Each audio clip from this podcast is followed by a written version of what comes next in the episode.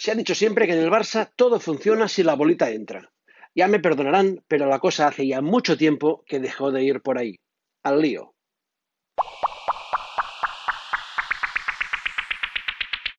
Pese a tener el club colgando del mejor jugador de la historia y pagar más salarios que nadie, el Barça lleva ya un lustro lejos, muy lejos de ser el mejor equipo de Europa. Y ya sabemos que, a diferencia de otros equipos, el Barça para levantar la orejuda necesita ser el mejor, saber ser el mejor.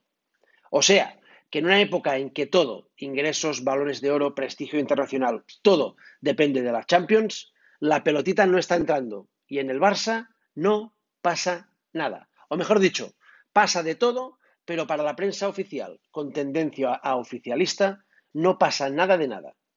Ahí sigue pues Bartu, que las ha hecho de todos los colores pantone hasta convertir el Barça en un tremendo panetone, sin que las portadas ni la mayoría de informativos atiendan a los mayúsculos escándalos con los que ha adornado una nefasta gestión que ha llevado al Barça de la cúspide mundial a vergüenza nacional. Así, por encima, medio desordenado y para ir abriendo boca. A ver, el club tiene ya antecedentes penales por obra y desgracia de sus dos últimos presidentes. Los futbolistas torean a los dirigentes. Los entrenadores son más escudo que otra cosa.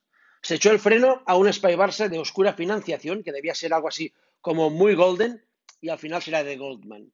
Anuncian que ya no hay no palau, cuando ya debería estar hecho, y hasta recibieron una bochornosa sanción FIFA que acabó truncando la carrera culé de muchos jóvenes talentos, entre ellos, por cierto, uno que cada vez está más cerca de triunfar de blanco en lo que sería elevar al cubo la vergüencica.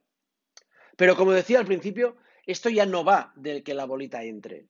No, esto ya va de que la bolita ruede, de que la bolita distraiga, de que mientras la institución se desmorona, aquí se hable de la bolita.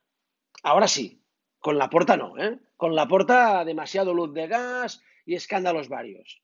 Ya saben que entonces la bolita no podía ser coartada y el Barça debía tener un presidente a la altura del equipo.